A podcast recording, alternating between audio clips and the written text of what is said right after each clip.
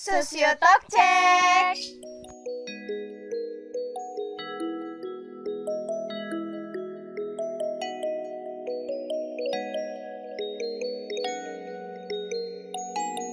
Oke, Assalamualaikum warahmatullahi wabarakatuh Berjumpa lagi di Sosiotalk episode 10 bersama saya Fitri Fujiani Mahasiswa Sosiologi Angkatan 2019 UIN Sunan Kalijaga, Yogyakarta Nah teman-teman, Sosiotalk kali ini kita akan membahas tentang literasi bersama narasumber kita yang sangat luar biasa dan beliau ini merupakan salah satu dosen favorit saya yaitu Ibu Dwi Nur Laila Fitria SIPMA alias Ibu Pipit.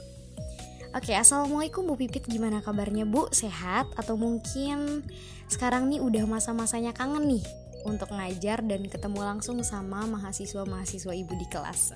Halo Fitri, Assalamualaikum warahmatullahi wabarakatuh. Waalaikumsalam warahmatullahi Selamat malam, wabarakatuh. senang sekali ya. Alhamdulillah diberikan kesempatan untuk bisa hadir di acara Sosio Talk malam ini. Alhamdulillah em, saya selalu dalam keadaan sehat walafiat dan tentunya bahagia ya. Sudah lama sekali nih kita nggak ketemu ya secara offline atau tatap muka dan kurang lebih udah dua semester dan itu udah sangat lama sekali, udah kangen banget pengen ketemu langsung dengan teman-teman mahasiswa. Insya Allah mudah-mudahan semester depan kita sudah bisa kembali ketemu secara offline ya. Amin. Amin. Iya bener banget Bu, saya juga udah gak sabar banget nih sebenarnya udah pengen banget cepet-cepet kuliah offline. Oke langsung saja teman-teman kita ke pembahasan. Nah berbicara soal literasi ini yang pastinya udah gak asing banget nih di telinga teman-teman. Namun seiring dengan semakin berkembangnya zaman, literasi sekarang ini sudah menjadi suatu kebutuhan pokok bagi kita semua sebagai media untuk memperbaiki kualitas diri. Nah, di sini kita akan membahas seperti apa sih makna literasi yang sebenarnya itu, kemudian eh, bagaimana kita melihat fenomena literasi di Indonesia dan lain sebagainya. Nah, saya awali dengan pertanyaan yang pertama, melihat fenomena dari kebanyakan orang, khususnya saya sendiri sih, yang eh, mengartikan literasi itu hanya sebatas membaca dan menulis saja gitu. Padahal kalau melihat faktanya sekarang literasi ini sudah mengalami banyak perkembangan karena sudah merambah hampir di segala bidang kehidupan gitu. Seperti sekarang sudah adanya literasi media, literasi ekonomi, literasi sains, visual dan lain-lain. Bahkan literasi sendiri sudah menjadi salah satu gerbang untuk memperbaiki kualitas diri, baik itu uh, skill, passion dan lain-lain. Nah, uh, Bu Pipit, mungkinkah makna literasi kini sudah mengalami pergeseran dan perluasan uh, sebagaimana tuntutan perkembangan zaman, sehingga uh, adanya perbedaan literasi uh, yang dulu dengan makna literasi yang sekarang ini? Ya Fitri, untuk pertanyaannya berkaitan dengan literasi ya. Memang benar bahwa e, untuk saat ini literasi seiring dengan berkembangnya zaman itu sudah mulai bergeser dari makna dan fungsinya. Nah, kalau dulu ya atau pengertian literasi secara umum atau pada dasarnya pengertian literasi adalah bagaimana seseorang itu memiliki kemampuan dalam mengolah dan memahami satu informasi saat melakukan proses membaca dan menulis. Sedangkan dalam perkembangannya, definisi atau makna literasi tersebut selalu berevolusi sesuai dengan keadaan zaman. Nah, sama seperti yang Fitri sampaikan tadi bahwa e, literasi atau kemampuan untuk memahami literasi itu merupakan salah satu gerbang untuk mendapatkan apa yang dibutuhkan oleh manusia zaman sekarang. Nah, kalau dulu definisi literasi adalah kemampuan membaca dan menulis, saat ini istilah literasi itu sudah mulai um, banyak digunakan ya untuk artian yang lebih luas. Sudah mulai merambah pada um, makna-makna atau praktek kultural yang berkaitan dengan banyak hal, dengan banyak persoalan, baik itu sosial maupun politik. Dan memang untuk saat ini definisi literasi itu banyak mengalami pergeseran dari yang dulunya hanya berkaitan dengan kemampuan seseorang dalam mengolah dan memahami informasi saat melakukan um, proses membaca dan menulis.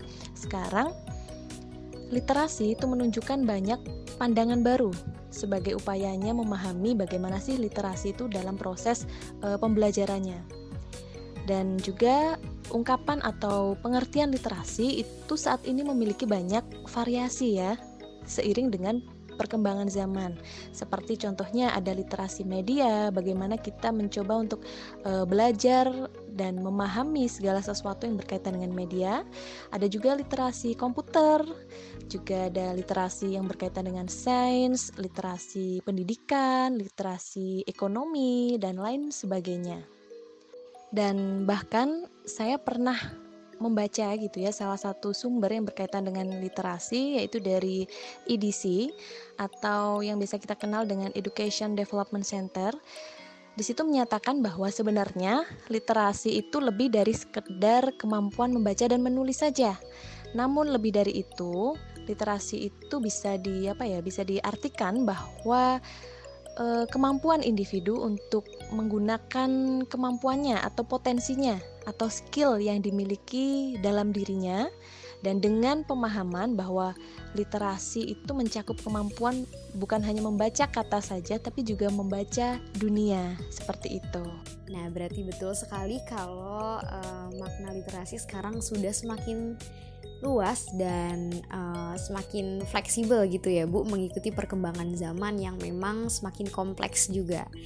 Nah, uh, kita udah tahu nih sekarang uh, makna literasi itu seperti apa. Sekarang kita lanjut nih ke pertanyaan kedua mengenai fenomena literasi.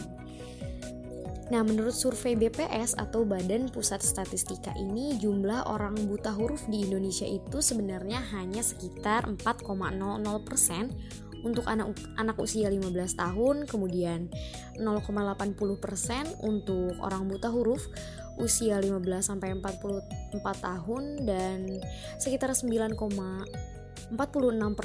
untuk orang berusia 45 tahun ke atas.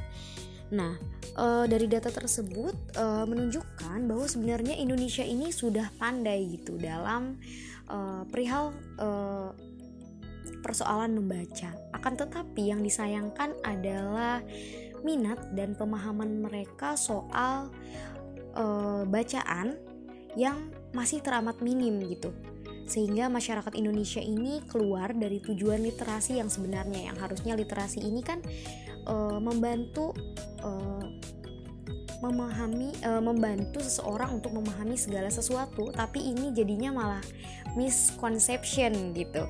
Nah, kalau contoh fenomenanya nih kalau di Indonesia sendiri uh, adalah kebiasaan orang-orang Indonesia yang lebih senang mengambil kesimpulan hanya berdasarkan headline suatu berita. Kemudian juga uh, orang Indonesia biasanya suka asal nge-share informasi padahal belum uh, tentu gitu keakuratan datanya. Kayak misalnya nih di grup-grup keluarga gitu. Berita dicari anak hilang padahal itu beritanya udah dari tahun kapan gitu hilangnya gitu ya, Bu. Kemudian atau mungkin contoh lainnya adalah uh, dalam Islam sendiri masih banyak gitu orang Islam yang uh, kurang memperhatikan uh, atau menerapkan uh, bacaan atau kaidah pembacaan Al-Quran yang benar gitu. Padahal ini bahaya sekali ya bu, kalau misalnya uh, salah dalam membaca satu huruf Al-Quran aja itu sebenarnya kan akan mengubah uh, arti dan makna yang sebenarnya. Nah, pertanyaannya adalah menurut Bu Pipit nih, apa sih sebetulnya yang menyebabkan Indonesia ini terus berputar dalam siklus seperti itu bahkan hampir tidak mengalami kemajuan gitu. Serta bagaimana pandangan ibu terkait hal tersebut. Ya benar sekali Fitri. Kebiasaan orang Indonesia mungkin juga saya gitu ya kadang-kadang ketika membaca berita itu hanya dilihat dari headline-nya saja karena headline itu memang dibuat sangat menarik untuk memicu seseorang membaca atau e, melihat lebih dalam berita itu seperti apa. Tapi yang jadi kebiasaan adalah hanya headline-nya saja tidak teruskan untuk melihat isinya lebih lanjut. Padahal kita tahu bahwa poin penting dari apa yang disampaikan oleh berita itu adalah ada pada isinya. Mengapa demikian? Nah, Salah satu alasannya adalah karena orang Indonesia sejak kecil gitu ya, memang lebih terbiasa mendengar dan berbicara daripada berliterasi. Coba bayangkan saja, berapa waktu yang rata-rata orang habiskan untuk menonton televisi per hari? Berapa waktu yang digunakan untuk mengobrol? Itu bisa dibandingkan dengan sedikitnya waktu yang disisihkan untuk membaca dan menulis.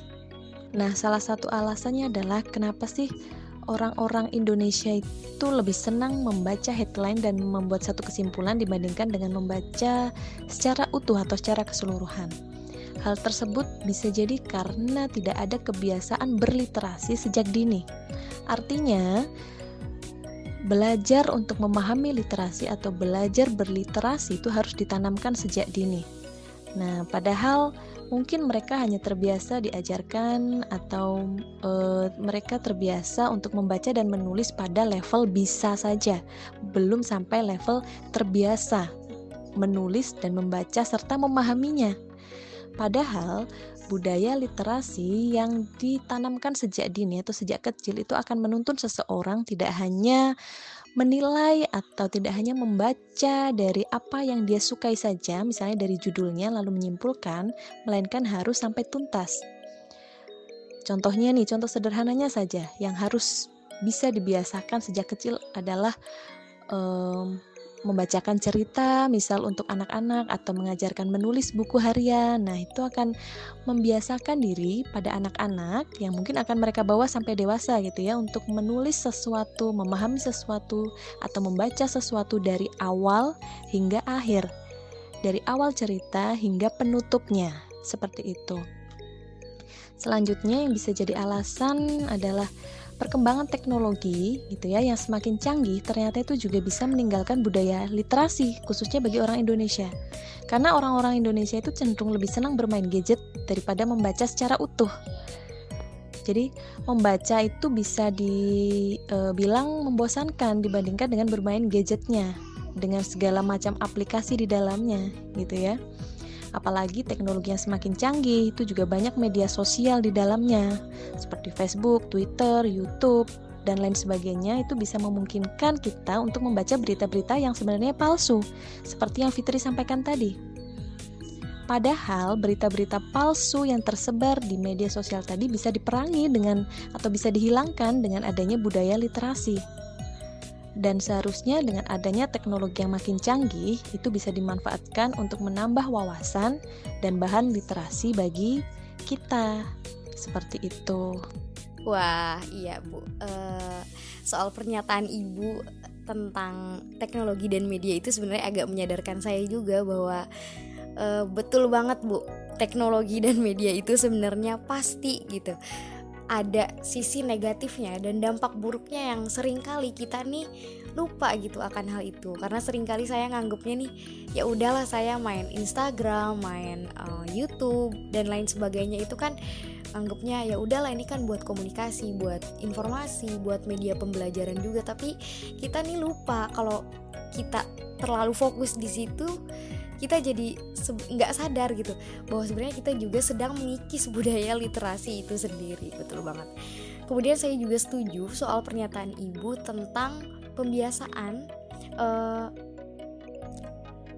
mendongeng sejak kecil kepada anak-anak. Nah, itu uh, sama juga ini menarik sekali seperti halnya di Finlandia juga di sana kan uh, merupakan negara dengan sistem pendidikan terbaik dunia. Nah, di sana itu uh, kebijakan seperti itu diterapkan oleh pemerintah di sana. Jadi di, mereka itu menekankan kepada orang tua agar membiasakan budaya dongeng kepada anak-anaknya sejak anak-anaknya itu kecil. Jadi ber, uh, tujuannya itu ya agar uh, meneruskan gitu budaya literasi dan terbiasa gitu anak-anaknya kalau udah gede.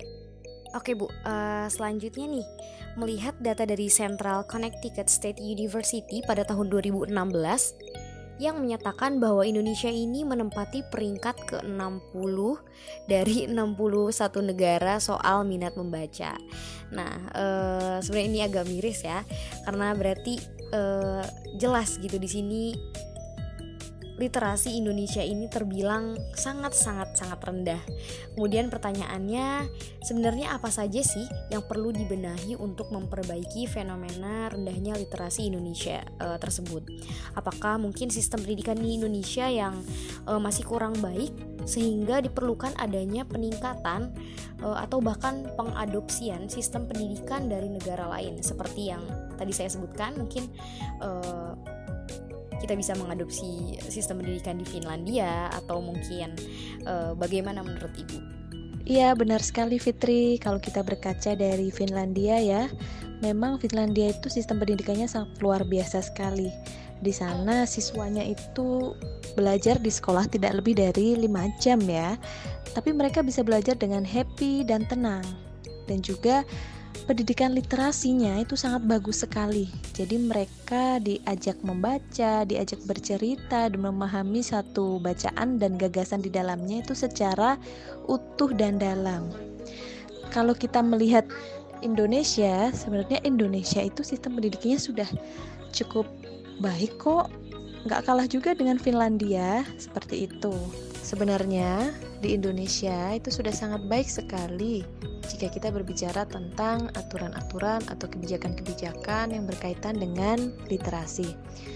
Mungkin lebih tepatnya ditingkatkan ya, bukan diperbaiki. Di tepatnya ditingkatkan. Kalau pemerintah sudah menyediakan berbagai macam fasilitas untuk berliterasi, baik dari mulai um, sekolah dasar hingga perguruan tinggi. Nah, sekarang bagaimana masyarakatnya yang membudayakan untuk mulai mencintai budaya literasi, budaya membaca, menulis, dan memahami, mulai dari hal sederhana seperti itu. Contohnya gini, kenapa sih kita tidak menjadikan um, literasi itu sebagai satu lifestyle gitu ya? Padahal ketika kita bermain gadget, atau kita bermain game bisa dijadikan lifestyle, kenapa membaca, menulis, atau berliterasi secara garis besar itu tidak bisa dijadikan sebagai lifestyle atau kebiasaan. Dan mungkin yang perlu ditingkatkan adalah um, dari pemangku kebijakan itu bisa menyediakan sarana untuk berliterasi dengan media yang lebih menarik. Kalau sebelumnya mungkin hanya disediakan buku-buku uh, atau bahan-bahan bacaan untuk um, pelajaran saja atau buku pelajaran saja, buku-buku teks bacaan untuk pelajaran. Nah, mungkin selanjutnya bisa disediakan untuk bahan-bahan bacaan sebagai media berliterasi di luar teks atau non teks gitu ya bahan-bahan eh, bahan-bahan bacaan fiksi atau cerita-cerita atau apa pun itu yang menarik atau bisa juga dikemas dalam bentuk yang lain. Kalau biasanya hanya e, berupa print out atau buku, nah mungkin sekarang bisa disediakan dalam bentuk um, web gitu ya atau um, media onlinenya. Atau misalnya kalau komik itu kan ada webtoonnya.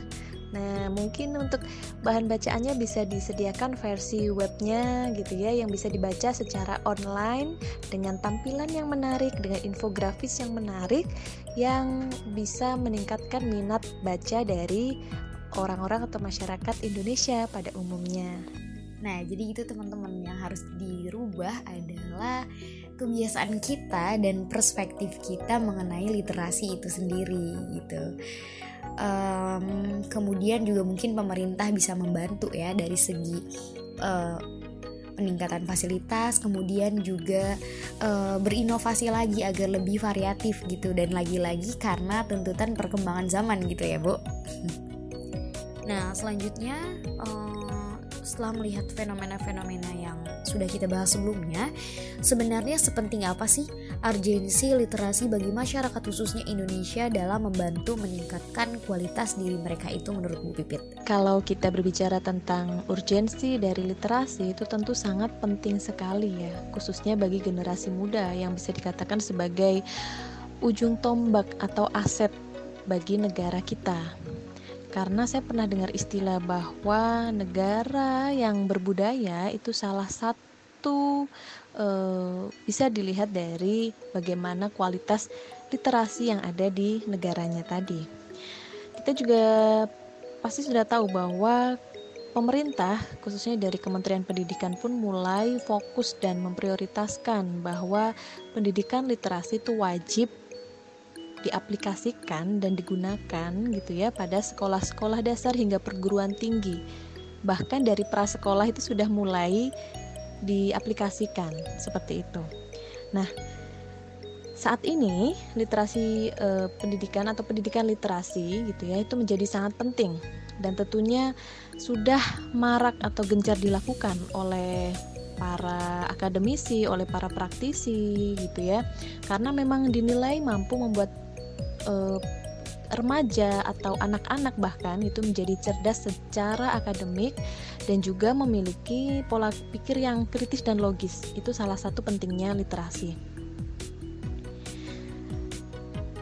Lalu sebenarnya literasi atau praktek literasi itu tidak tidak harus terpaku gitu ya pada pembelajaran atau aktivitas yang ada di sekolah saja atau belajar membaca di sekolah saja.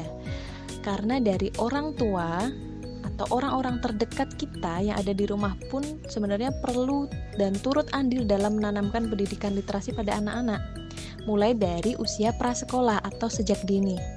Nah, tujuannya untuk apa sih? tujuan utamanya itu bukan hanya untuk uh, supaya anak itu punya kemampuan membaca dan menulis saja gitu tapi lebih dari itu dua jenis kemampuan tadi membaca dan menulis itu sebenarnya hanya menjadi landasan bagi tujuan yang lebih baik yaitu untuk membentuk generasi yang mampu dan harus bisa gitu ya berpikir kritis dalam menyikapi informasi. Baik Bu, berarti terkait urgensi literasi sendiri tujuan besarnya adalah membentuk generasi-generasi selanjutnya agar lebih bisa berpikir kritis begitu.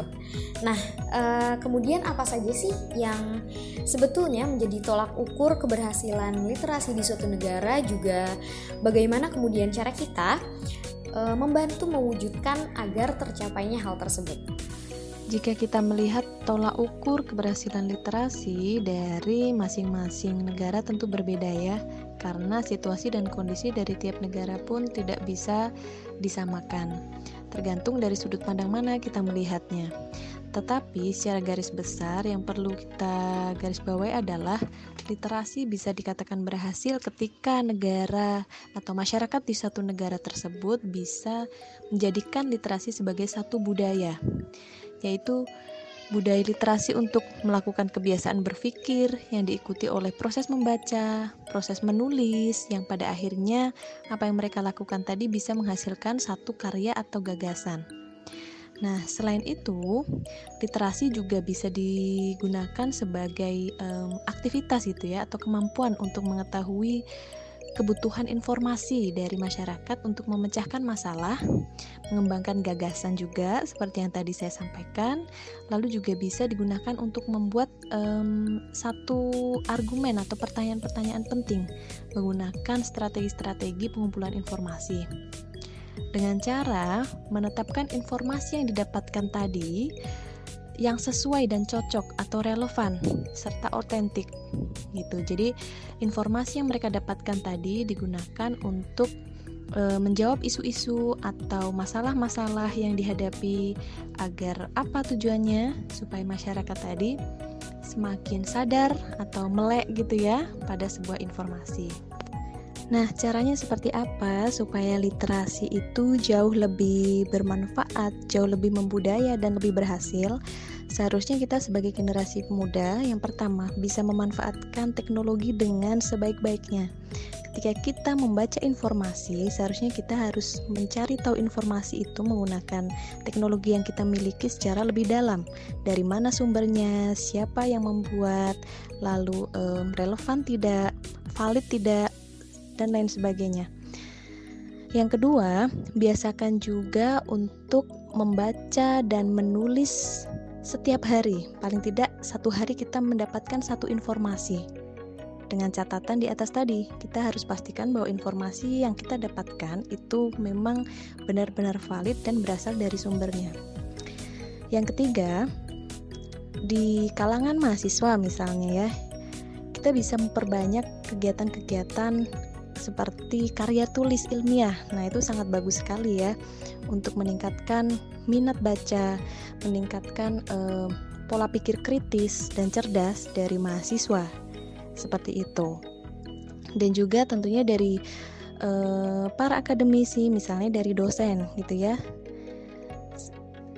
Kalau kita pernah diberikan tugas critical review misalnya atau mereview satu bahan bacaan jurnal itu sangat bagus sekali loh. Jadi itu juga bertujuan untuk meningkatkan uh, kreativitas dari si mahasiswa tadi. Bukan hanya membaca saja, tapi juga mahasiswa dituntut untuk berpikir kritis, untuk uh, memberikan argumennya, pendapatnya, untuk uh, mendapatkan sumber-sumber data yang dia gunakan untuk mereview tulisan-tulisan tadi dan lain sebagainya dan mungkin kalau di kalangan masyarakat secara garis besar gitu ya pemerintah bisa menyediakan semacam taman bahan uh, taman bacaan lalu menyediakan buku-buku gratis atau memfasilitasi misalnya tulisan-tulisan yang lebih menarik yang tidak hanya dalam bentuk handout tapi juga dalam bentuk um, di di website seperti itu. Jadi bisa diakses secara langsung maupun secara online gitu. Nah, lo ketahuan kan? Ayo, siapa yang masih suka males-malesan nih kalau misalnya dapat tugas dari dosen suruh nge-review jurnal dan lain-lain? Wah, berarti tandanya literasi kita itu masih rendah. Oke teman-teman, karena waktu kita juga cukup terbatas, padahal sebetulnya saya masih pengen banget banyak ngobrol nih sama Bu Pipit karena kebetulan menarik banget ya topik pembahasannya menurut saya. Oke Bu, ini permintaan terakhir dari saya.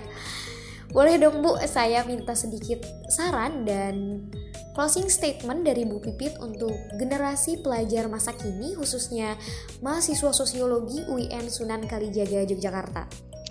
Terakhir dari Bu Pipit, sebagai mahasiswa atau generasi muda yang merupakan agent of change dari negara kita, coba berikan peranan yang paling optimal untuk negara dimulai dari diri sendiri yaitu dengan menanamkan semangat jiwa membaca dan menulis serta melakukan kampanye budaya literasi pada lingkungan sekitar ya. Ikut aktif dalam kegiatan memajukan pendidikan eh, terutama dalam hal literasi. Salah satunya yaitu coba buat atau berkontribusi atau bergerak memberikan perubahan-perubahan pada bangsa melalui hal-hal kecil saja. Nah, kontribusi kecil pada budaya literasi ini akan dapat meningkatkan presentasi literasi yang ada di negara kita. Karena apa? Dari hal kecil inilah bisa menjadi satu perubahan yang besar yang berdampak positif bagi negara ke depannya. Semoga teman-teman tidak pernah lelah untuk terus belajar, untuk terus memahami bacaan, untuk mengembangkan gagasan dari literasi tersebut dan tentunya tidak pernah lelah untuk menyaring segala informasi secara lebih bijak karena kita sudah dewasa ya sebagai mahasiswa dan tentunya terus berkontribusi dalam hal literasi dimulai dari hal-hal kecil yang ada di sekitar kita.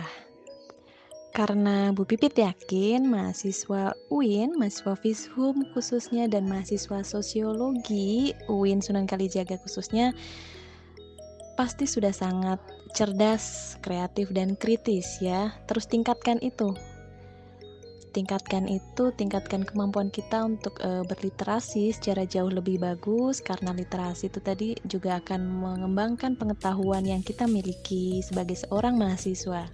Literasi ini sangat banyak sekali manfaatnya, khususnya bagi mahasiswa-mahasiswa tingkat akhir ya yang sudah banyak um, disibukkan dengan tugas-tugas dalam bentuk um, artikel ilmiah. Nah, semangat terus, jangan pernah lelah untuk belajar, jangan pernah lelah untuk terus uh, menuangkan gagasan-gagasan kita dalam bentuk tulisan karena tolak ukur mahasiswa yang paham tentang literasi adalah bisa menuangkan apa yang dia baca tadi dalam bentuk gagasan dan tulisan ilmiah. Salah satunya itu. Amin, semangat juga Bu Pipit. Terima kasih banyak Bu sudah meluangkan waktunya untuk mengisi podcast kita kali ini. Dan jujur saya dapat uh, wawasan baru dan pencerahan dan harapannya teman-teman juga begitu ya. Oke, uh, karena kita sudah berada di penghujung podcast, untuk teman-teman sosiologi jangan lupa ikutin terus updatean-updatean terbaru dari kami HMPS Sosiologi UIN Sunan Kalijaga Yogyakarta tentunya dengan follow akun Instagram kami at hmpssosiologi.winsk dan YouTube channel kami HMPS Sosiologi UIN Jogja. Jangan lupa like, comment, and subscribe. See you. Wassalamualaikum warahmatullahi wabarakatuh.